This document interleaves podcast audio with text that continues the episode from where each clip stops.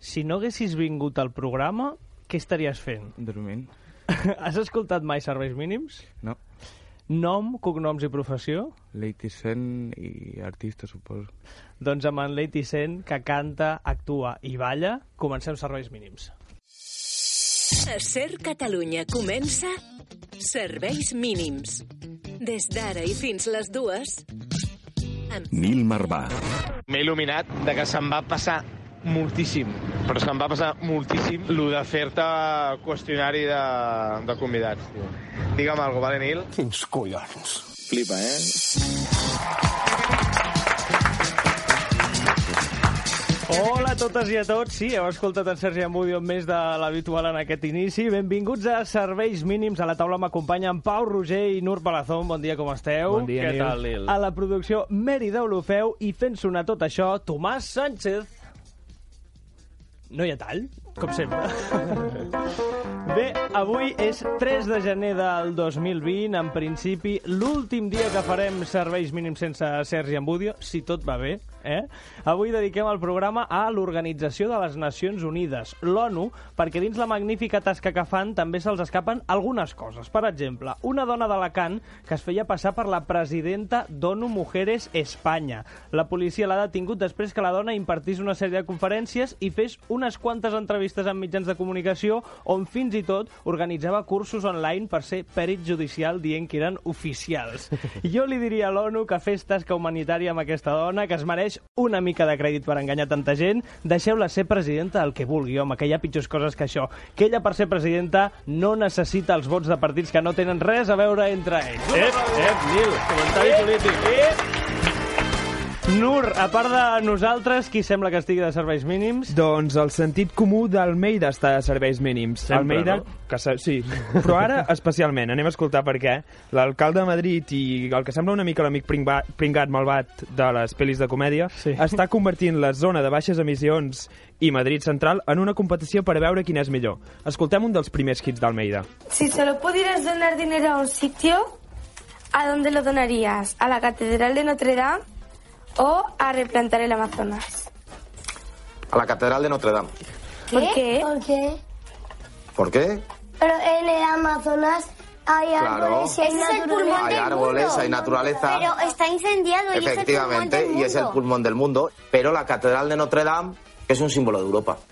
És I com vols- d'Europa, eh? Com vols, compa com vols competir amb un geni així, claríssim. Nil? Se sap que França està a Europa. Almeida ahir va dir que la zona de baixes emissions de Barcelona és una enganyifa i que Madrid Central és genial. Així que per convertir una cosa que va molt bé per la salut pública en una competició, podríem dir que el sentit comú d'Almeida està de serveis mínims. Claríssimament. I Pau, per contra, qui sí que hauria d'estar pel bé de tots, eh, de serveis mínims? Doncs els ocells d'Austràlia. Com? Sí. Els ocells en si, eh? Els ocells, bueno, n'hi ha, ja, ara ho veureu. Suposo que sabeu que Austràlia doncs, està xamuscant, sí. bàsicament. Aquests últims dies han estat infernals, amb temperatures molt altes, i a més s'esperen encara, encara dies pitjors, eh, cosa que no ajuda a extingir el foc, evidentment. Tothom s'està desesperant molt, i no és per menys, eh, i han, eh, han demanat a moltes poblacions que, que evacuïn la zona ràpidament. Que la gent marxi d'allà, no? Exacte, com més ràpid millor. A tot això se li sumen les alarmes constants que avisen els, anima els, eh, els habitants eh, quan hi ha perill imminent. O sigui, és un drama. És un drama, I per què estic dient tot, eh, tot això? Doncs per aquest àudio.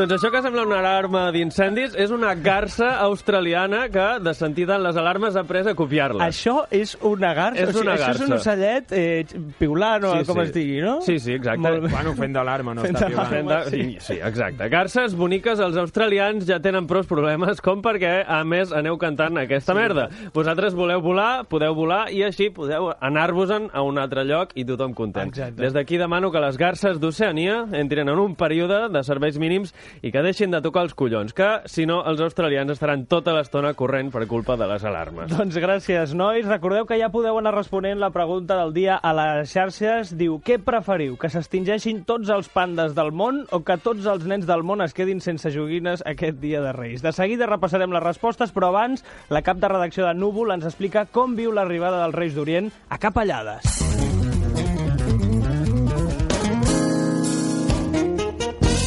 Mireu, avui us vinc a explicar una de les coses que m'al·lucinen més de la tradició dels Reis d'Orient. Jo vinc d'un poble que es diu Capellades i allà, com a molts altres pobles, els Reis passen a la nit. Tu vas a veure la cavalcada, camines uns quants carrers, quan ets petit et motives a gas demanant que els patges et tirin carmels i quan ets gran et treus un grau en tècniques ninja que et permeten esquivar aquests carmels per tal de que no et vagin a parar l'ull, arribes a la plaça, es fan els parlaments i després te'n vas tot nerviosa cap a casa on hi ha tota la família i ben juntets espereu que vinguin els Reis. Aquells moments són els moments més tensos de la teva vida. Els minuts se't fan llarguíssims esperant que els patges piquin a la porta i entrin amb una caixa plena de regals per tothom. I a més, sempre hi ha el tiet graciós que surt d'amagat i pica el timbre i ja tens a pares i fills cridant que els reis ja són aquí i quan obres et trobes amb un paquet de menjar de periquito al terra. L'arribada dels reis és la millor nit de l'any i això que quan venen ho saben tot de tu, sobretot la teva manca de motivació per rentar-te les dents cada nit. Per això, la gent que viu en llocs on els regals de reis es descobreixen l'endemà crec que han de ser persones que es mereixen un lloc molt més alt en la teoria de la selecció natural de Darwin. Els reis de la paciència, els déus de l'Olimp de l'espera, perquè jo el que no sé és com coi ets un nen petit i aconsegueixes adormir-te sabent que de nit t'entraran unes persones a casa que tens ganes de veure, que a sobre et porten regals a tu, personalitzats, la teva Santa Play, i que es faran una copeta de cava que els deixes a la taula i tu no ho veuràs. Però que què és aquesta mena de maltractament psicològic i quina mena de bruixots sou els pares com per aconseguir convèncer un nen perquè s'adormi aquella nit? A mi que algú em doni la resposta, perquè jo, mentrestant, continuaré posant-me nerviosíssima cada nit de Reis. Seguiu escoltant Serveis mínims amb Set Nil Marvà. Si estàs escoltant aquest programa és que no tens gaires coses a fer. M'equivoco? Gràcies, Clàudia. Passen 15 minuts de la una del migdia. Parlem de cotxes sense conductor.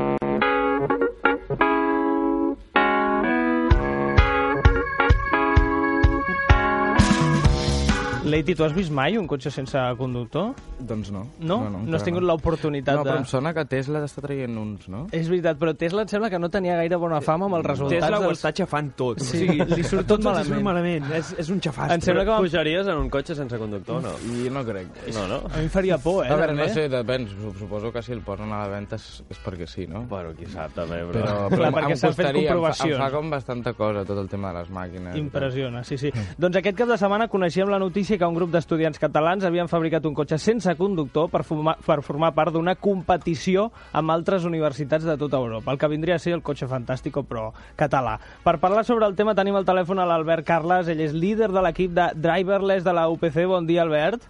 Hola, bon dia. Com estàs? Molt bé. Escolta, ja fa 13 anys que la universitat participa en aquesta competició, però aquest any vosaltres heu dit, home, hem de cridar l'atenció d'alguna manera i per això porteu un vehicle sense conductor, no? Sí, fa 13 anys que va néixer l'equip ETC Motorsport. Llavors, al principi l'equip era, participava al Fórmula Student, com bé deies, a, a categoria de combustió. Després va passar a categoria elèctrica i des de fa un any, l'any passat, eh, per tres ex-team leader, ai, tres ex-membres, uh Mhm. -huh. eh, el que es va fer va ser pues, a, la categoria, a participar a la categoria driverless. I aquest any seria aquest segon any, i per fer-ho, per estar a la categoria driverless, el que hem fet és que no només participin estudiants d'enginyeria industrial, com era abans de Màxim Motorsport, sinó que també sobre estudiants de telecomunicacions. O sigui, heu barrejat les dues disciplines, per dir-ho d'alguna manera, no? Sí, exacte. Sí, sí, per fer un, un max mix per intentar pues, tota la part de control, d'algoritmes, de tot, pues, poder-nos una miqueta pues, ficar a tot arreu. Perquè el que heu fet és molt fort, no té conductor, com dèiem, i a més a més funciona de manera autònoma. És a dir, que no hi ha ningú amb un mando donant-li indicacions, no? sinó que ell detecta els objectes, s'aparta quan toca, la Mary, la productora, deia que era la rumba, l'aspiradora, però en cotxe, no? Sí, una miqueta sí. Sí, al final, a vegades quan traiem la idea, diu, la gent pensa que hi ha pues, una persona allà amb un comandament, com si fos la Play, allà jugant amb el cotxe, però no. O sigui, realment tot està programat, hi ha tots uns algoritmes, al final tenim eh, percepció, que s'encarrega de veure, per dir-ho així, tenim dos càmeres i un líder que ens permeten mapejar l'entorn, aquesta informació va a control, control el que et genera bàsicament amb els algoritmes és una traçada, i a partir d'aquí tot això, tota la informació de velocitat de la que volem aspirar a cada punt va a hardware, que hi havia la part d'actuadors, que ens permeten actuar sobre el pedal o amb, que posar el parell en el motor que vulguem. És fascinant, això. I aquests dies, a més, aquests, aquestes festes heu dit, escolta, anem a provar el cotxe, on anem? No anirem a una esplanada, sinó que anem al circuit de Montmeló a provar-lo, no? Heu atropellat algú? Ha passat No. alguna cosa? No, no, no, no ha passat res i no, no passa res mai. Vull dir, la, la seguretat tant a nivell de competició com a nivell nostre és molt important. Vull dir, a vegades ens pregunten també per normatives, perquè també al final també és un cotxe elèctric i hi ha molta part de seguretat. Amb el tema driverless, nosaltres hem de fer un cotxe que es pugui conduir manualment, però que si està molt autònom no hi pugui haver ningú dintre, és a dir, s'ha de conduir sol i no hi ha d'haver res. I, òbviament, a la pista, quan estem de competicions, per exemple, els oficials i els marshals se'n van de la pista perquè s'ha d'entendre que és un cotxe fet per estudiants i que poden passar coses, no? Clar. I de competicions, per exemple, hem vist cotxes que, bueno, que amb el volant donaven volantazos i que semblava que se n'anessin i l'havien de frenar d'emergència perquè, bueno, que no passés Clar, res. perquè les competicions ens hem d'imaginar, no sé, desenes de cotxes d'aquests creats per universitaris tots junts en una pista on pot passar de tot? És així? Clar, aquí hi ha, o sigui, ja et dic, com que hi ha tres categories, hi ha la categoria de combustió, l'elèctrica i la driverless, funciona una miqueta diferent. En l'elèctrica, que tenim el EC Motorsport, que és l'altre cotxe que, que hi ha a l'equip, bàsicament té l'Endurance, que és una prova a la qual sí que hi ha diversos cotxes sobre la pista i que fan com una miqueta, la, van, van, van millorant la volta i va, poden avançar els cotxes. Mm. En el cas de driverless és tot una, un entorn molt controlat. Tenim uns cons que ens marquen la pista i és més una contrarrellotge. Vale. En el nostre cas tenim una prova que és el track dive, que bàsicament el que consisteix és fer 10 voltes i llavors completar-les sense tirar molts cons o cap con i a partir d'aquí pues, intentar fer el millor temps. Com una mica un humor amarillo per uh, cotxes elèctrics, no? Aquests cotxes podrien anar per, per una ciutat, per un poble, alguna cosa? Mm, com deia abans, és, és un entorn controlat. Vull dir, nosaltres estem fent un cotxe de que funcioni per la competició de Fórmula Student. Nosaltres tenim uns cons que són de color groc i de color blau i la gent a vegades ens pregunta i si fiquem una pedra aquí hi ha una persona, què passaria? Clar. Bueno, doncs segurament hi havia el núvol de punta, el líder, detectaria un objecte, es podria programar tota la part de la xarxa neuronal per tal que detectés la persona, però com és un entorn controlat, no es concep això i bàsicament el cotxe el que et fa és generar-te la, la traçada per anar pels cons. No espera que hi hagi ni cap persona, ni cap pedra, ni cap obstacle gran. És a dir, per ciutat ara mateix no funcionaria. Albert, és molt interessant tot això que expliques i m'agrada perquè llegint una mica la valoració que fèieu d'aquests dies que, que l'heu estat plura, provant, dèieu eh, valent, no? Perquè ràpid no va, però és segur, que és l'important. Sí, això va, també va, ve, ve referenciat al primer any, que va ser l'any passat. Al final hi va haver un moment, érem un equip, érem unes 20 persones, i va haver un moment una balança que vam haver de posar de dir, vale, el cotxe volem que funcioni, volem veure que funciona, i vam aconseguir-ho, vam arribar a Montmeló, i vam ser l'únic equip, a part de l'equip guanyador, que va ser, un, eh, va ser Calrue, que vam aconseguir completar el track drive, Uau. però sí que és cert que bastant allà vam veure que el cotxe pues, anava lent. Llavors, el, el cotxe funciona i això és com medalleta i a partir d'aquí, el següent any, que és aquest any, el que volem és aspirar a més velocitat. Volem aspirar que el cotxe arribi doncs, a uns 50 km per hora més o menys, que ja és una velocitat que fas, uau, o sigui, te'l mires i dius, uf, això està anant sol i està anant molt ràpid. Doncs Albert, aviam si ho aconseguiu des d'aquí, tota l'energia, tota la força que faci falta i enhorabona, eh? perquè gent com vosaltres faci coses així. Moltes gràcies. L'Albert Carles, que és el líder de l'equip driverless de la UPC. Que vagi bé, Albert.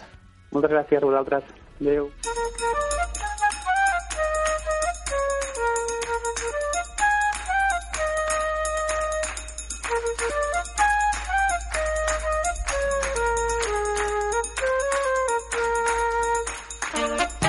Continuem fent serveis mínims, passant 21 minuts de la una del migdia. Recordeu que ens podeu seguir a Instagram, a Facebook i a Twitter, arroba serveis mínims, i que podeu recuperar els programes a Spotify, Evox, Apple Podcast i fins i tot a l'Alexa. No hi ha cap lloc on no, No, hi siguem. estem a tot arreu. Leiti, si ens vols buscar, ja saps, eh? totes aquestes eh, plataformes. Sabem que tots i totes poseu serveis mínims per informar-vos i en aquest programa no ens conformem amb llegir-vos les notícies, no. Anem a parlar, és un tema molt important avui, de rigorosa pel Roger, actualitat. perquè anem a parlar de l'avaria elèctrica que ha obligat a suspendre la fàbrica dels Reis Mags de Barcelona. Doncs sí, no és pas una broma. L'Ajuntament va fer un tuit ahir al vespre explicant que estan treballant per arreglar els problemes tècnics, Oh, no. però que de moment l'activitat està suspesa. Ostres, és supertrist. I estem a pocs dies ja de, del Dia de Reis. Per ampliar la informació, hem, eh, anem a parlar amb un dels treballadors de la fàbrica Sí. que estava embolicant regals al moment de la pagada. Bon dia, Patja Miu. Patja bon Miu, dia, eh? serveis mínims. Es, es diu així? Què tal? Sí, Patja Miu. Què tal? Com estàs? Doncs aquí, fent-me un cafè. És un cafè màgic. Sí, Pau, aquí tot és màgic. El cafè és màgic, les taules són màgiques, les Sí. eines són màgiques. Clar que no, Pau, només els reis no? són màgics. La resta ens toca pencar, ens donen màgia per repartir a tothom que vingui la cabalgada, però nosaltres hem d'embolicar els regals amb les mans. 18 hores diàries. hi 18? estem. Ostres, que això és si ara un explotació, eh? monopoli, que si una pistola nerf, que si una investidura de Sánchez, Una investi... Això també, com s'embolica, això? doncs amb molt de paper i 15 talls a les mans que porto ja. Home, meu, però no pot estar tan malament. Reparteixes il·lusió a la gent, això és important. Bueno, sí, les vacances no estan malament, 9 mesos de vacances. Clar. Ni un profe, xaval. L'any passat vaig estar tres mesos al Pol Nord visitant el meu cosí, que va aconseguir un curro amb el Papa Noel. Un tio genial, eh, en Santa Claus? Però, Miu, uh, et puc dir Miu? Sí. Vale, Confiança, però eh, què, sí, confiança. Què, què ha passat exactament amb la fàbrica? Doncs no ho sé, jo estava embolicant regals al meu rotllo. Per què preguntes tant? Creus que he sigut jo? No, no, no, no hem dit això, Miu. Li estem A veure. preguntant què ha passat, una mica per saber l'escena i tal. A veure, que jo només embolico regals, eh? Tampoc sé d'electricitat ni d'enxufes. Hi ha moltes màquines aquí, qualsevol podria haver causat un curtcircuit. I vostè quin regal estava embolicant quan, quan han caigut els ploms? Bueno, jo, jo portava tot el rato embolicant regals, eh? Com 15 hores embolicant Uf, regals. sí, moltes, molt. moltíssim. Ja ho ha dit, eh, però bueno. Però just en aquell moment m'estava enviant fotos amb la meva xurra i, bueno, eh, se m'estava acabant la bateria del mòbil i vaig anar a enxufar-lo. I alguna altra cosa, qualsevol altra cosa, va causar un curtcircuit. Jo no. Tu no, jo eh? només embolico Definitivament regals, no. eh? Hi ha moltes màquines aquí. Clar, uh, bueno, uh, si ni, aquí ningú t'està acusant de res No. i no, no voldríem ara dir, dir que tu ets el culpable, però com és que t'estaves enviant fotos amb la teva parella? Eh, no és la meva parella, eh? Jo no em comprometo. Uh, és xurri, no és xurri. Si tinc més mòbils, eh, per parlar amb, altres, amb, altra, amb altra gent. L'únic Ja. que en aquell moment, l'altre que tinc per parlar amb la Cari, el tenia carregant. Ah, a part, un no? moment de descans, no? És que no em deixeu descansar ni un moment. Com que em passo el dia fent fotos? Amb mi necessito companyia. Miu, amb qui estàs parlant? Què està Que no, passant? que no, que no desconnectis aquest telèfon, que és per parlar amb la baby. Perdó, nois, eh? El meu jefe no em dona ni un respiro. Però quants mòbils tens ara mateix? A veure, quanta gent li tiro canya? Mm, 10, 15, entre 10 i 15 mòbils. I en aquell moment els tenies tots carregant, quan, quan s'han baixat els ploms. Bueno, en tenia entre 10 i 14, vaig, vaig connectar el 15, però hi ha moltes màquines, i jo corro molt, eh? Ja. Passo el dia embolicant regals, Però no paro. gastes molta, molta electricitat, no pel que veig? Eh, però és que el papi ni un necessita enviar fotos, Ja. eh? Bon dia. Qui, ha, qui és vostè? El meu és un puto vago i no fa res. Va ser ell qui va causar l'avaria. Tot, tot el dia enviant Qui, fotos. qui és vostè? Soc en Patge Ah. el jefe d'en Miu. Sort que tenim patges que treballen molt més que en Miu. Mira, tenim el Riu, el Siu, que és una mica de dretes, tenim Tot, el tots es Tiu, diuen igual? el Giu i tenim el Francesc. Però què hi farem? El Miu és fill de l'encarregat de secció regional oriental de la fàbrica i no podem desempallegar-lo. Patjapiu es solucionarà el problema, que això és el que ens importa? Sí, sí, sí, tothom tranquil. Ningú es quedarà sense regals, és molt important. Ningú es quedarà sense regals. Els Reis estan aquí amb tota la seva màgia solucionant el temita. Però Vale. eh, per la nit de Reis ja ho tindrem tot Vale. solucionat. Regals Moltes gràcies, tothom. moltes gràcies. Aquest és el titular i abans de dedicar els minuts que es mereix el Leticent anem a fer un viatge en el temps per saber què passava tal dia com avui, un 3 de gener del 1995. Mèrida Olofeu, què passava aquell dia? Doncs a través de l'arxiu de BTV hem descobert que fa 25 anys que van desaparèixer els vagons per classes als ferrocarrils de la Generalitat. Els vagons per classes, què Sí. és això? Abans, quan tu anaves amb el ferrocarril, Sí. podies saber qui era d'una classe social o d'una altra. Vale? Perquè al costat de la porta d'entrada hi tenies un 2 o un 3 Uh -huh. i era en funció del bitllet que havies pagat tu. I a més, eh, crec que a l'arxiu de BTV hi ha com declaracions de la Sí. gent que en aquell moment estava indignada o no de la... Sí. Explica'ns això. Ah, sí. Podem trobar diferents tipus de passatgers. Clar, hi havia els que anaven a la categoria 2 i els que anaven a la categoria 3. Ah. I en funció d'això hem tingut diverses, bueno, o queixes o millores en quant al servei. Perquè abans em semblava una mica discriminatori potser les, les dues classes perquè hi havia trens que a vegades anava ple la tercera i la segona anava buida i no podies pujar-hi o havies d'estar dret. Clar, estava com mal Però repartit, això no, fa 25 anys, és molt fort, Fa 25 anys. Però clar, també trobem altres opinions en relació a aquest tema. De la otra manera. Yo he cogido siempre segunda y mira, es mucho más cómodo. Aunque pagas un poco más caro, tienes un asiento por la mañana y, y por la tarde. I no hi pobres, no? Ha molt bé, saps? Ella podia anar ràbia, sentadeta i els altres ben apretats. Bé, doncs coses que descobrim amb la Mary Deulofeu. Nosaltres anem a publicitat, dos minuts i tornem. Fins ara. Ser Cataluña. Este sí. Este no. Muy pronto, desde enero, ya no. No podrás circular con tu coche por Barcelona. Por eso, en JP Carrión, por tu coche sin etiqueta ambiental, te damos hasta 3.000 euros. JP Carrión, mejor concesionario de España Citroën 2018 en Hospitalet de Llobregat y Molins de Rey. jpcarrión.com. Este no. Ya está, que se ha terminado el anuncio.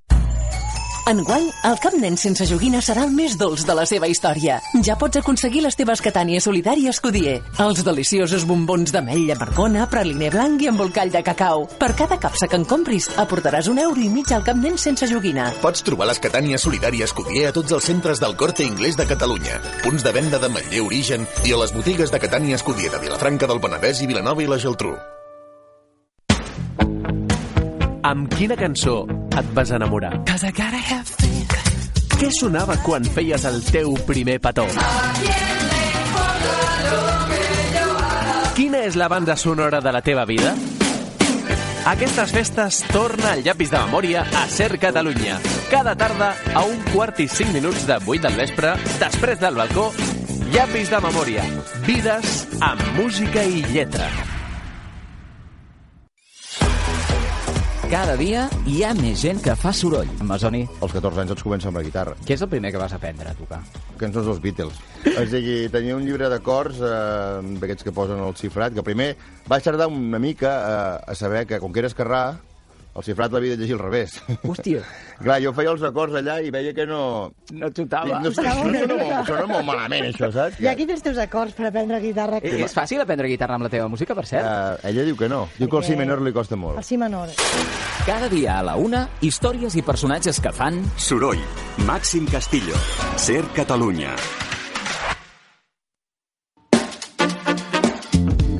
Seguiu escoltant? Serveis mínims. Amb Nil Marvà. Si ja tens gana, menja't el que queda de programa. Listen, seeing you got ritualistic. Cleansing my soul of addiction for now, cause I'm falling apart. Amb Passion Fruit del raper Drake rebem amb un fort aplaudiment a un home que balla, canta i que segur que ho heu vist interpretant en David de Benvinguts a la família, el gran Leti. Un aplaudiment! Leti, com estàs? Ja t'hem sentit abans una miqueta, però com estàs? Superbé. avui? Moltes gràcies Sí? per invitar-me. Eh, per què creus que hem començat amb aquesta cançó de, de Drake? Eh, suposo perquè ho està patant i fa trap, que suposo que... Hi ha- hi ha més jo. motius. Hi ha- hi ha més- motius. ah, sí. Perquè també actuava quan va començar, potser. Clar, aquest és el tema, perquè a més està produint una sèrie, Top Boy, Top que Boy. ho està patant al Regne Unit, on hi ha Total. gent que fa música fent d'actors i tu a vegades dius que una mica t'agradaria ser com ells, no? Són els Sen britànics. Sí, No? ja els agradaria. El que m'agrada del Drake és això, que té com aquest caràcter i té com aquesta persona que és capaç de... Pues ara està treballant amb, amb els Toronto, com a l'equip de bàsquet, està treballant amb mil pel·lis, està treballant amb, Clar. amb mil projectes de música i això em mola, la veritat. Té com així moltes gràcies. facetes diferents, sí, no? També, polivalent, sí, sí, sí. De seguida repassarem la, la teva trajectòria, però abans deixa'm confessar-te que nosaltres ens hem declarat fans teus a primera hora del matí, quan hem Ah. buscat a Google el teu nom, ens hem trobat una entrevista a Vice i asseguraves que el teu somni és poder morir en pau al camp, amb molts fills, menjant el teu Ah. hort de la teva granja i envoltat de la teva família. Això és el que vull fer. És el teu propòsit del 2020? O... Del 2020 no, el 2020 toca encara viure De la vida en general. Home, amb 13 anys fills, fer. 13 fills en un any és molt No, complicat. no, i no crec que tingui 13 perquè ja n'hauria d'haver fet, Clar. sincerament. Ja- ja t'hi hauries d'haver posat, no? Sí, però la meva idea és com als 27-28 deixar de currar, haver fet molta pasta i dedicar-me a viure, perquè crec que hem vingut a això, més Clar, que res. clar. Home, una mica això de la pasta potser ho estàs aconseguint, no sé quanta pasta estàs Eh, fent, això no és la no som el resistència de Broncano, David eh? Jo soc calés, però sóc africà i ho gasto molt ràpid. Però suposo que un dels teus propòsits del 2020 també és patar-ho moltíssim amb el Malik, es pronuncia així, el teu Es diu personatge? Malik, sí. El Malik, així, eh? És el nou personatge que interpretaràs a Élite i que descobrirem a les Encinas. Què? Com, com és això d'entrar a Élite de... Eh, la veritat és que al principi va ser molt fort, perquè jo no volia ni... Em van trucar cada cop, volien fer-me un càsting de que em- els interessava com el, el meu perfil. Sí. I al principi era com, Elite, que polla, no havia ni vist. Què és això, feia, no? Feia com fins i tot pal. Del Això quan fa que t'ho que van dir? Això va al juny, maig, final de maig, mm. principis de juny. I començaven a gravar en dos, tres setmanes. Ahà. I al principi jo estava bastant reticent, rotllo que no volia i, i tot el rotllo. I ells em, ells em deien, vine a Madrid que et volem fer un càsting. Jo no volia. Et senties com forçat per anar a fer un vídeo, rotllo, no vindré, però us envio un vídeo si voleu. Els va agradar el vídeo, em van dir que pugés un altre cop, els hi vaig Sí. dir que no. Em van dir que enviés un altre vídeo, vaig enviar un altre vídeo. I al final em van pagar el viatge perquè anés a fer el càsting allà. Que fort, o sigui, van em insistir agafar. ells, eh? Sí, tu, sí, sí, una de les sí. sèries que més ho estava patant l'any passat i tu, Sí, no, ara em fa hi, mandra. hi havia el punt de que acabava de fer Vinguts a la família i jo estava una mica que em volia concentrar Clar. en la música. Aleshores era com, bueno, seria quatre mesos, ara tinc d'anar i pujar, baixar a Madrid i Ja. fer tot això, quan no és una cosa que una sèrie que a nivell econòmic. Bueno, és una cosa que em va molt bé per tal, però és una cosa que per concepte potser no m'interessa Ja. molt per la línia que vaig Ja. com a artista, Ja. potser. Hem Però alhora contact- mola. Ja. Hem contactat amb el Dani de la Orden, el director de la sèrie. Gran. És un gran, no? És un gran. I li hem dit, escolta, tu quina pregunta li faries al, al Leti? Ens ha dit això. Eh, sin decir ningún spoiler ni nada, quin va ser el moment més eh, difícil per ell de gravar? Què? Quin va ser el, el moment més difícil, sense dir spoilers, que això m'imagino que també ha de ser molt difícil. Buah. És molt difícil dir això perquè no.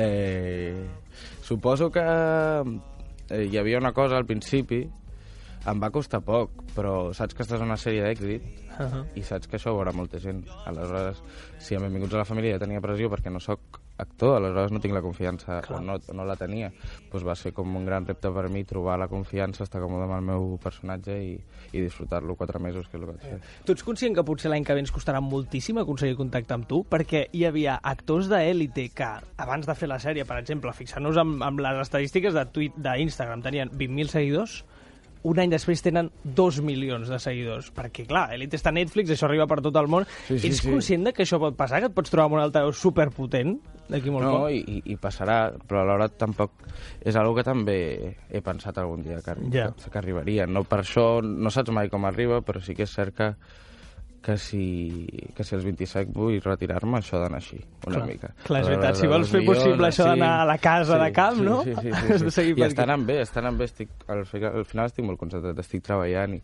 les oportunitats tampoc crec que no arriben gratis. Saps? Ja. Escolta, abans de començar a parlar del trap, que és pel que ens interessa i pel que t'hem fet venir aquí, que ens interessa molt la, la música, en Pau i en Nur s'han preguntat què has fet abans d'arribar a l'estudi de Ser Catalunya. Vols escoltar? Vinga. Va, sona així. Si coneixes el Leity Sen, actor, ballarí, cantant de trap i potencial ídol de masses, podries pensar que aquest matí s'ha aixecat a les 12.50 després d'haver-ho petat als clubs més exclusius de Barcelona. Però res està més allunyat de la realitat. Leity Sen només canta trap per amagar la seva veritable identitat. Leiticio Martínez, cantant de boleros. Soc la Conxita, tinc 76 anys i visc a la residència Jardí Verd. En Leticio ve cada matí a cantar-nos boleros. Quin noi més agradable! És un ídol de la tercera edat. Les cues que es fan cada matí per escoltar el concert d'en Leiticio no es fan ni per Julio Iglesias al Palau Sant Jordi. L'altre dia li vaig tirar les meves calces sexis. Quina vergonya, ni cabien dos com ell, però és que ho fa tan bé, amb tanta passió, em posa tan calenta. Però els concerts d'en Leiti s'han convertit en un problema per les residències. Els seus boleros són tan sexuals que, quan acaba el concert, hem de separar els avis en pals. Ell marxa i ens deixa amb una orgia d'avis calentorros. Canta molt bé el xaval, uns boleros estupendos, però ningú vol veure el folleteo que genera. Aquest matí, Leiti Sen, després de la seva actuació matutina, ha anat a l'Hospital Clínic a visitar a la Xus i en Paco, de 68 i 75 anys respectivament, que han fet el Leiti padrí del seu primer fill, engendrat després del magnífic bolero Luces de Pasión del mateix artista. El nen es dirà Leiticio. Doncs això és el que han fet el Pau i en Nur. Què? La veritat és que em molaria ser-ho. T'agradaria cantar tenir- boleros o no? No, m'agradaria tenir un segon personatge així. la Sí, no? Per la nit m'escapa. Quina història, eh, nois? Quina imaginació que, que teniu. En fi, ara sí, anem a parlar de música. Gamberros testament, robant llaminatures per després sortir corrent i encara bec mútuament. Ningú es ficava amb Sam and Sen, now we're ten, loyalty for the hood to the end, win. Si et busquem a Google, estàs cantant, eh? Sona Home. fantàstic. Allà molts et defineixen com una de les grans esperances de la música urbana. I això que sona és molt de temps, un tema que cantes amb el teu cosí, en Exacte. Sam, no? Després deutes en solitari amb l'EP Joel, i el portal, el portal cultural Fantàstic Mag defineix aquest EP així. Vols que t'ho llegeixi? Vinga. Diuen, es una especie de romper la baraja de la homogeneidad urbana de los últimos años con un sonido que bebe del trap yankee, pero que también se deja bañar por referentes clásicos de un hip hop beligerante, que en su garganta suena pletórico, sexy y peligroso en partes iguales. Això és el que volies fer tu quan comences a, Eh. a preparar, Joel? Tot, Suposo que no, totes les paraules. Totes aquestes paraules. Suposo que no amb les mateixes paraules, però a nivell de sensacions és algo semblant. Però jo, sexy, sí, té el punt, una mica. Sí? Sexy y peligroso, eh? A partes iguales. No, no només això, però suposo que està inclòs en el pack. Mhm. Així sona Joel. Voy a comer, comer, comerte hasta que no tenga más que decir. Yo, hacerte bailar y luego por my dick. Baby, yo prefiero que esté encima de ti. I d'aquesta manera, no?, amb la música, comences a entrar dins la indústria de, del trap. Com és la indústria del trap? Descobrir el món dels managers, dels bolos, del, dels fans... Doncs et diria que és el que més, més m'agrada. Al final, jo quan vaig acabar batxillerat vaig dir que no estudiaria i em vaig posar a fer música i a conèixer gent fins a estar aquí una mica. Aleshores, m'ho he passat molt bé. Al final, jo crec que la gràcia d'aquest estil de vida és una mica el poder fer el que vulguis una mica i et dones compte que és una indústria com qualsevol altra i que Clar. tens que vigilar amb aquest, amb l'altre, està molt relacionat amb la nit, aleshores també tens que anar amb compte amb moltes altres coses. O sigui, de matinar poc, no?, diguem-ne. He matinat molt a la meva vida i m'agrada. Els teus estic- companys ara en diuen estic zero. Des d'aquí darrere diuen zero. Em vaig dormir bastant tard, la veritat. Em vaig dormir com a les 6 o 7 del matí. Avui has vingut amb, amb un mànager, no sé com es diu, el teu mànager. Es diu Àlex Muller. L'Àlex, És el eh, noi més guapo de Barcelona. Però he llegit una cosa, diu que el teu ex-manager, que no direm com es diu, eh, et va portar en un festival sense haver avisat que hi anàveu. O sigui, que vosaltres us heu presentat allà per fer un concert, Sí, sí, sí, però sí, que sí. realment ningú comptava en que vosaltres faríeu un concert, no? Això ha passat. La veritat és que va ser un pues. La veritat va ser un pues. I encara l'he de veure. Així que... Però veu acabar fent aquell concert on us vau Vam presentar? acabar fent el concert, vam presentar-nos allà i vam dir, escolta'm, que nosaltres tenim un concert aquí, però el nostre mànager no ens està parlant i no sabem res, però ja no estem al cartell. I el tio és que, uau, pues estat enviant pila de mails i ningú està contestant, us vam treure ahir del cartell. Però deixa'm preguntar una cosa, van a preguntar i ens van ficar, i vam actuar els últims i va anar superbé. Hi van havia pagar. lloc per vosaltres. Hi havia lloc, i energia. I segur que a sobre ho heu patat, no?, quan Vam es va petar, acabar vam el... els últims, ens van ficar els últims. Que fort. Ets la música urbana del segle XXI i entre molts artistes de la teva edat hi ha una, una manera de, particular no? de presentar els temes, els singles, que està canviant del que coneixíem abans com el CD, CD, Sí. CD, no? I cada vegada hi ha més marques, singles, però menys discos. Això t'ho dic perquè ho deia Rosalía. Como hoy en día se consume la música por singles, ¿no? La mayoría de las veces. Yo creo que por eso es tan importante intentar darle la vuelta a lo que significa hacer un disco y que al final un disco no sea solo una, un conjunto de canciones, sino una obra que empieza y acaba en sí misma. Y creo que sí que al final pues las canciones que estén conectadas entre ellas, ya sea por las letras, ya sea a nivel conceptual, ya sea a nivel, a nivel musical. Coincideixes amb el que explicava la, la Rosalia? Aquesta idea d'oblidar-se dels discos i ja fer altres tipus de projectes? Eh, per mi un disco és el que ha dit, al final. Eh, penso que la Rosalia és un gran exemple, aleshores tampoc puc com discutir-li moltes coses. Però un Un àlbum... referent. Qualsevol un li discuteix coses de la Rosalia, també. Sí, però sí que és cert que per mi un àlbum significa això. Són moltes cançons que estan lligades entre si, que formen part d'un cos, i totes per elles per separat són singles, Yeah. però en, en conjunt creen alguna com més gran, que és el que ha fet amb el Malquerer, per exemple. Tu col·laboraries amb la Rosalia? Sí. Sí, no? Sí. És que ara mateix aquí a Espanya és potser la, la veu internacional més potent que tenim. Però és molt fort lo de la Rosalia, jo no sé ni... Cada dia que veig coses noves és com que em fa por, però alhora està obrint portes. Ja. Sí, que anem darrere. I hi ha qui us compara. Sí. als portals digitals hi ha qui diu que ets la nova Rosalia. No sé A si veure. quan tu llegeixes això dius, bueno, A ja més, ho veurem, més que no? farem, més que farem. La veritat, sempre que penso, he de pensar que ho faré més gran, si no, Que vagin quina vinguent, gràcia. que vagin vinguent i Clar, al final ella ha obert la porta, i ha obert com... Ara la gent està molt interessada en Espanya i no se sap ni per què, quasi una mica, perquè ens ho passem molt bé de pinta. Ara que escoltàvem a la Rosalia, parlem de la teva generació, parlem de la generació Z. El pou, I'm on a dodging home. El pou com si no, el pou a casa I'm flow, sabem on som i no. I know the picture will go. El pou a casa No sé si té, té a veure amb el que explica la cançó, no? aquesta cançó es diu El Pou. Mm. És, és una generació que, que constantment li han dit que aconseguiria unes coses, però que no és així del tot. Tens, tens aquesta sensació que estem una mica dins del pou? Una mica, una mica, i, i crec que som els, els que ja no estem al pou una mica, que les generacions de dalt han, han patit una mica més, i que sí que és cert que se'ns ha promès tota una sèrie de coses i estructures socials que quan creixes veus que són mentida també, i que, i que els pares no estan tan bé o no fan les coses tan bé com sembla Clar. ser. Aleshores, ja que ho fan ells a la seva manera, ho fem nosaltres a la nostra, i per això crec que hi ha un canvi a la nostra generació, que la gent comença a tenir un espíritu més crític i a intentar viure com vol. Mhm. És el que estàs fent tu, no? Per exemple, quan Intentant. dius jo no Sí, penso sí, estudiar sí. una carrera, vaig a fer la feina que és vull. superlícit estudiar una carrera. Al final, el que volia fer jo tampoc m'ho donava una carrera, però si jo volgués ser enginyer, sé Mhm. que hauria d'haver passat per una UPC o alguna Clar. cosa així. saps? Encara no hem parlat de, de la dansa, però podríem dir que tu la dansa et treu d'un pou, no?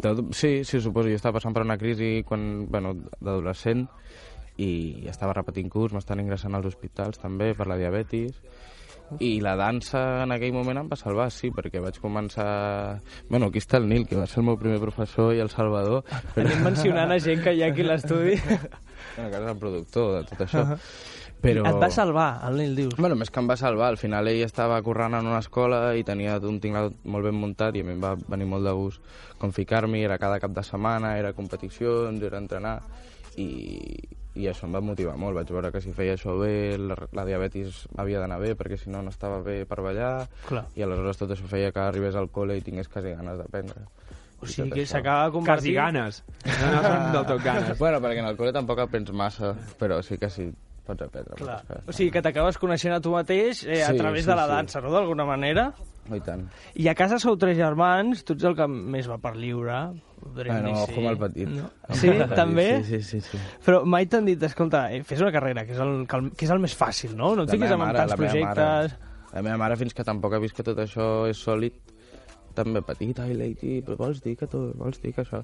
I al final, quan veu que, joder, les coses tal, que les seves amigues li diuen, ai, que el teu fill tal, doncs s'ha donat compte també i ara ja... Clar.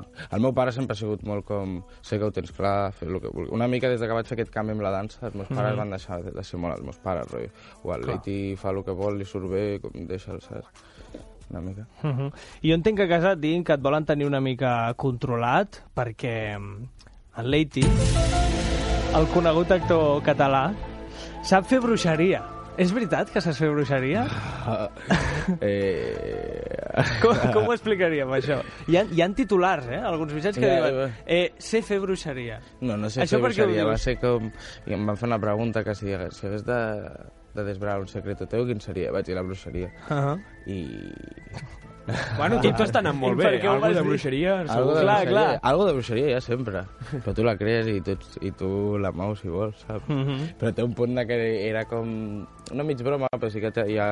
Connoto tot això a les tradicions senegaleses que em venen de part del meu pare i tota la història. El teu pare, que té una història espectacular de com va conèixer la teva mare a, de Espectacular. Barcelona, no? No sé si tenim temps per explicar... Una sí, tenim temps per explicar. Eh, molt breu, eh? Però Molt breument es van... és que ho, comentàvem abans a la redacció, eh, no sé, no sé on ho hem trobat, però és espectacular. Explica, explica. No, és que té un punt bruixot, també el meu pare diu que quan va entrar a la, al menjador de la Universitat de Brussel·les, que ja ma mare està estudiant, Ah. diu que la va veure i va dir que és la dona amb la que havia somiat sempre, saps? I va anar allà i li va dir que, oye, tu i jo tindrem fills. Li va dir això? Sí. I la O sigui, no és la millor manera per entrar a una persona. No, perquè es veu que va, et diu que el meu pare estava com mig en xoc. Saps? Una mica, rotllo, tu, tu, tu, tu, tu, tu, que és aquella... Li va anar i li va dir això. Sí. I ella què va respondre? I ella es veu que va fer com, tu, qui és aquest flipat? Una mica com... Però la, això li va dir el meu pare com a la meva germana, a la seva germana, que era íntima de la meva mare. O sigui, no la coneixia directament, a la teva mare. No, o sea, la meva mare, o sea, el, el meu pare va portar, o sea, joder. Ànim. La germana del meu pare el, el va Sí. portar al menjar i va dir, mira, aquestes són les meves amigues. I el meu pare, quan la va veure, va dir, tu, tu aquesta saps? Va ser així. Que fort, que fort. Eh, Leiti, moltes gràcies per venir, però Adéu. abans d'acomiadar-te, anem a fer un repàs a les xarxes socials.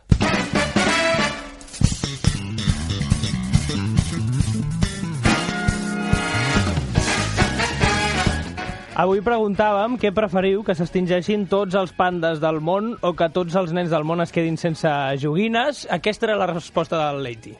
Hola, sóc la Liona. No. Bé, doncs no, era la, la Liona, la convidada d'ahir. Però, Leiti, tu vas dir que preferies que s'extingissin tots els pandes del món o no? O els, o els nens? Què no, vas dir? No, no, no. Què vas preferir? Eh, jo vaig dir que els nens es quedessin sense joguines, que em sabia Ahà. molt greu, però que penso que tot el... Que, bueno, tot el que és el tema religiós i tal em mola, que va de la solidaritat, la tema del família... Nadal, no? Sí. El tema del Nadal em mola, però suposo que el capitalisme també s'ha aprofitat d'això i ha creat tota una sèrie de coses que van relacionades amb regals i coses que crec que Clar. fan que fan més mal que res. Avui en dia... a- aviam què han dit les xarxes, no sé si coincidiran amb tu. Mary, Sí, eh, què diuen fet- a Twitter, Instagram? De fet, sí, la Cristina Canals, al Facebook, Sí. ha coincidit amb tu i, bueno, està una mica... Ha dit, a la merda els nens. Què ha dit? No, ha dit, potser aniria bé que els, es quedessin sense joguines, en tenen moltes i potser és hora de començar a conscienciar-los del món eh, consumista en què vivim i que per passar-ho bé i jugar no és necessari tenir-ne tantes. Clar, amb un panda també t'ho pots passar bé. Però un altre, un altre també proposa, exactament, proposa una cosa semblant a això. La Rosa diu, uf, cada día lo pones más difícil, salvar a los pandas, le diremos a los niños que su regalo es apadrinar un animal. Ah, mira. que este Mira. acto de cuidar por animal es un regalo de generosidad.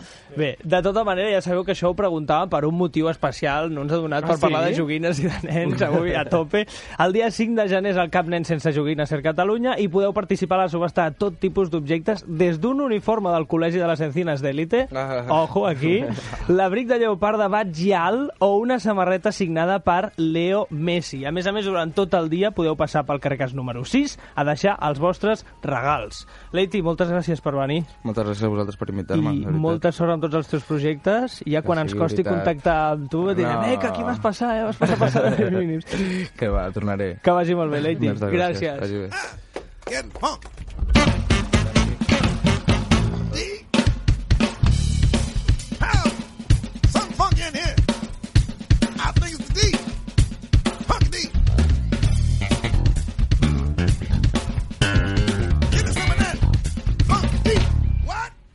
Víctor Rodrigo. Bon Carai. dia, com estàs? Bon dia, bon any i... I bon Nadal, que no ens hem I que vist. hem dormit, eh? Feia... Oi que sí? Has Que bé, no? bé avui? Sí, he vingut molt bé. Per què ho dius, això? No per res, eh? Ens ha costat una mica contactar amb tu. Comença a ser una tradició d'aquest programa, Sí, ja. ja ho fas expressament, eh? Jo crec que sí, per posar-te nerviós, Pau. Ja, escolta, tu sempre ens parles de, de cinema. Avui una mica què ens portaràs? Amb Bueno, què ens sorprendràs? eh, T'estàs confonent, eh, Nil, amb en Cuní? Per què? Perquè... Sí, vaig, Va- vaig fent traspàs i aquí, aquí venim a parlar de música... Va, i de, música, així, de però- música, cinema, de tot, a I, vegades. I, a, I a més, avui, en el nostre streamat i atrotinat bar musical del temps, Sí. no sé si te'n recordes el concepte, Nil, Home, ens asseurem com qui s'escarxofa al sofà a veure una pel·lícula després del dinar del l'1 de gener, eh? de manera plàcida, oblidant que existeix el món exterior i gaudint de tot allò que ens posin a la cara, en aquest cas, a les orelles. amb aquella ressaca, eh, de lo de gener. Ha ressaca que et fa mal fins i tot l'aigua. Exacte. I és que, senyores i senyors, Sergi Ambudio, que tenim a les Filipines, avui us vinc a parlar de totes, de totes aquelles cançons que han acabat devorant les pel·lícules que les van donar a conèixer. En definitiva, que o la peli era una absoluta merda o directament se'ls van pujar a les barbes. I no estem parlant de temes que van patar-ho amb la peli com aquest,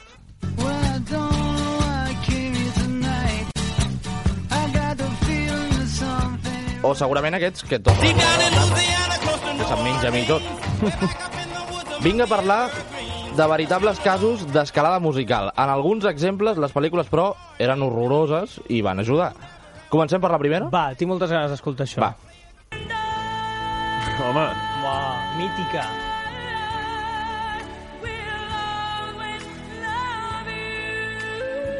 aquest és el Cigala, no? Clar, potser la, la pregunta era una mica estúpida, però reconeixeu aquesta cançó. Home, mítica. Ara, la pregunta dolenta. A quina pel·lícula pertany? Aquí m'has pillat, Ja ho sé, eh? 100% tu Ah, saps? Aquí els millennials... Home, sí, ho puc dir. Bueno, perquè tu ets un friqui, com jo. Això no, no serveix. Quina és? Titanic. Bueno, no.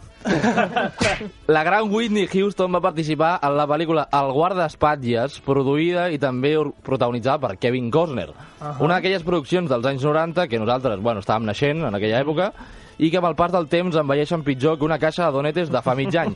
Tot i això, Houston va replegar 4 o 5 cançons a la pel·lícula que han acabat traspassant les fronteres de tot el món i són les que coneixem tots ara. Molt més que el film, que si el mires amb un mínim d'ull crític, doncs, bueno, Jo no l'he vist en la vida, aquest, aquesta pel·lícula de És, és molt dolenta, Nil. Sí? Però si tu vols passar escoltant Whitney Houston veient un, un videoclip dolentíssim, allà el tens. És la millor opció, no? Sí. Perquè, a més a més, del guardaespaldes es fa un musical a Madrid, em sembla, també. Amb És aquesta, possible, I aquesta per, és una per Whitney grans. Houston, perquè és que no, si no hagués estat Whitney Houston, pues segurament estaria Dragon Ball Evolution i aquesta Clar. pel·lícula. O sigui que si no fos per la música, aquesta pel·li hagués Exacte. passat al calaix de la I història encara ja. es passa jo un diumenge malament i, bueno, només vols vomitar. perquè- Va, anem a la següent. Mm.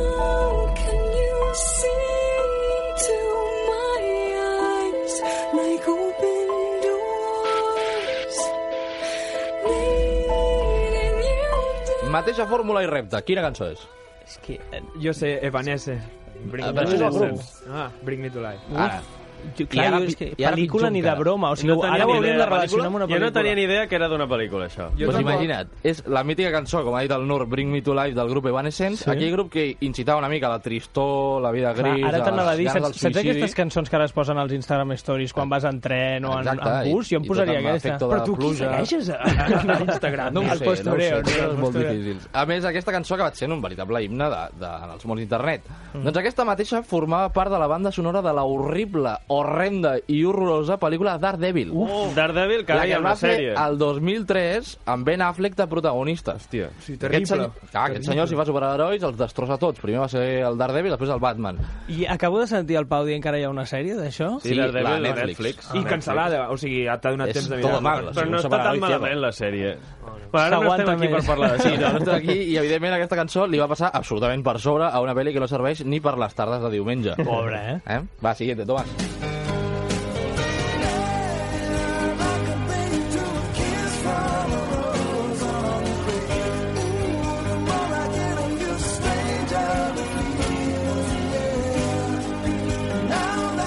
Qui endevini aquesta té premi. I mira que és maca, eh? Ah, sigui, sí. aquesta cançó m'encanta, l'he escoltat cançó? milers de vegades, però no la sabria Clar, aquesta relacionar amb... també formaria part de la llista de cançons que t'agraden molt i no tens ni santa idea com es diuen. Que les vas a buscar a Spotify i no sé exactament Allò, què per això es va inventar el Shazam, per gent com tu, Nil. La cançó és Kiss from a Rose del cantant afroamericà Seal, que en català es podria pronunciar com a traducció foca o segell. Prefereixo foca. Però foca o segell? Sí, No- sí, no en triem dues. cap. És, Les és dues- l'excepció. La cançó va aparèixer a la pel·lícula de 1994, ojo, Batman Forever, Hòstia. la tercera adaptació cinematogràfica del superheroi nocturn. El videoclip és ell cantant darrere amb el símbol aquell del Batman, d'allò Sí? per projectar. O sigui, és horrible. La va dirigir Joel Schumacher, especialista en destruir qualsevol llargmetratge que toca, Estàs repartint avui, eh? i no va poder ser menys que amb aquesta Val Kilmer era el Batman. A la següent va ser George Clooney, i a sobre li va posar mugrons Encara millor. al vestit. És de... És boníssim, això. Com podem veure, tothom coneix la cançó, però tothom ha intentat oblidar com ha pogut aquell Batman eh, horrorós. Ostres, uh, avui, Víctor, eh, jo et respecto molt, eh, però estàs rebentant alguns directors, els estàs deixant Bueno, per terra de manera Però violenta, si tu inclús. busques i Film Affinity, jo crec que cap d'aquestes pel·lícules arriba al 4. Clar. O sigui, ha estat maco. Per No, això no. hem portat cançons que han passat per sobre la Que pel·lícula. les cançons poden arribar al 10, és a dir, la si pel·lícula pot estar Titanic 3. no hagués tingut cap sentit, I ja. perquè és la pel·lícula i, i, Clar, allà i la cançó, però avui hem vingut a repartir una mica d'estopa. Va, què més? Eh? Que és 2020. Posem una altra. wider than a mile. I'm crossing you in Aquesta serà complicada perquè té homenatge posterior. És maca, aquesta. A veure, la sabeu identificar o no? No. És que, mm, L'hem sentit mi- dos milions de Actriu molt vegades. famosa cantant-la, eh? Però a mi em sona el so an antic, no? Que de fa, Clar, fa molts antic, anys. però És una pel·li del 2003, Nil. i s'ha adaptat, i s'ha adaptat ara també a, a una sèrie d'aquest últim any. És Moon River del film Desayuno con Diamantes Ah. de la fascinant, evidentment, és bona, Audrey. Hepburn. Per què aquesta cançó doncs, està en aquesta llista? Clar, perquè perquè ha acabat sent i agenda la pròpia cançó més que la, la pel·lícula, perquè la pel·lícula no s'ha adaptat més, perquè qui Mhm. supera Audrey Hepburn? Clar. El Pau, potser, vestit amb aquell... No t'estranyi. Depèn del no, dia. No m'estranyaria. I des de que la va cantar la mateixa Hepburn al replà d'una finestra, no ha deixat d'engreixar la seva fama i en una sèrie de Netflix va acabar sortint la mateixa Moon River, però versionada amb un altre artista, Frank Ocean. Uau.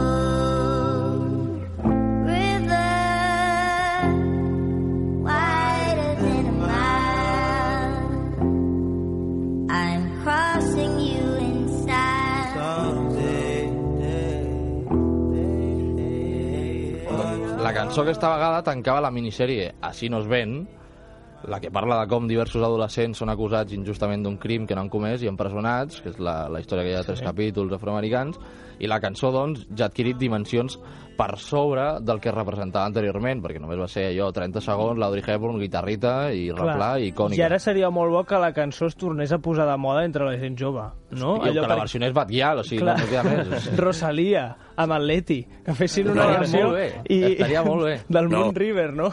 Estaria molt bé. Nil, tenim temps per alguna més? Va, no? sí, sí, tenim Va. temps.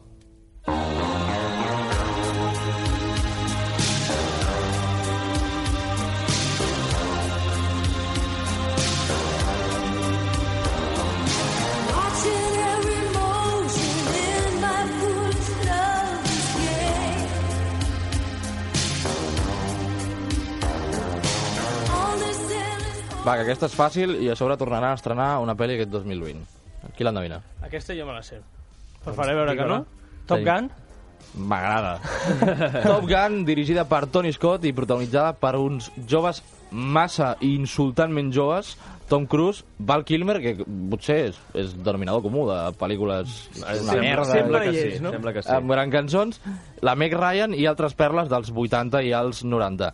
És pràcticament un videoclip de 110 minuts carregat de testosterona que només reprimeix molts desitjos homosexuals. No els perquè- ensenya, només, només es perquè repeteix. quan tu veus aquelles escenes, eh, el Val Kilmer, el Tom Cruise, mm, te reto a coger l'avión... eh, Que bé que ho fas, Tom eh, Víctor, Cruise a més. condueix ell mateix els avions. Sí, sí, sí, aquell senyor ho fa tot, es tira per un gratacels i fa el que faci falta, i jo crec que els hagués anat bé alliberar-se. Doncs sí. Ja doncs com, sí. diu, com diu bé la cançó. Que fessin un Call Me By Your Name, no? Exacte, i a més la cançó ha passat moltíssim més bé que el- els anys, que la pel·lícula dels avions, les Mhm. xupes de cuir i les frases per lligar als bars. Eh, Víctor, tenim temps per una última cançó? Aquesta és bonus. Va. I aquesta m'agrada perquè la, la pel·lícula i la cançó sí. es diuen igual i només val això. Tot l'altre és dolentíssim. Va.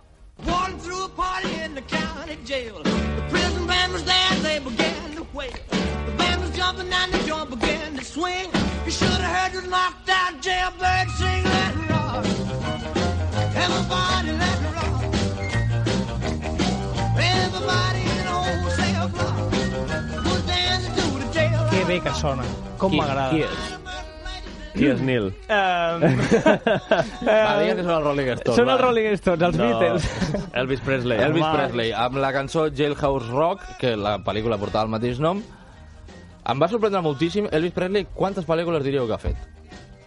10. No sé, però Bandes va, va ser sonores actor. moltíssimes. Clar, bandes sonores sí, però en plan... Moltíssimes. Que ell Diré estigui a la pel·lícula?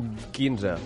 34. 34. A cada una d'elles más mala, però, però horrenda, eh? Però això va gairebé a una pel·lícula cada dos anys. Sí, no, el tio, com, com ho ha patat tantíssim, doncs també el fotien a fer pel·lícules, Que que era l'edat d'or, aquesta Que de fort. Hollywood. Doncs el tio, bueno, Doncs amb Elvis Presley acabem serveis mínims, acabem la secció de Víctor Rodrigo. Ha estat un plaer, eh, Víctor, que El plaer ha vinguessis. estat meu Qui ho i- havia de dir, eh, que arribaries? Exacte, ara- ara me'n vaig esmorzar. Bé, doncs nosaltres acabem aquí aquests dies de, de festa de serveis mínims. Tornem al proper festiu intersetmanal, que no sé exactament quan, No sé, quan serà, dia. però el que sí que sé és que serà amb en Sergi Ambudi. Ha estat un plaer, nois, que vagi molt bé. Moltes gràcies. Adeu, adeu.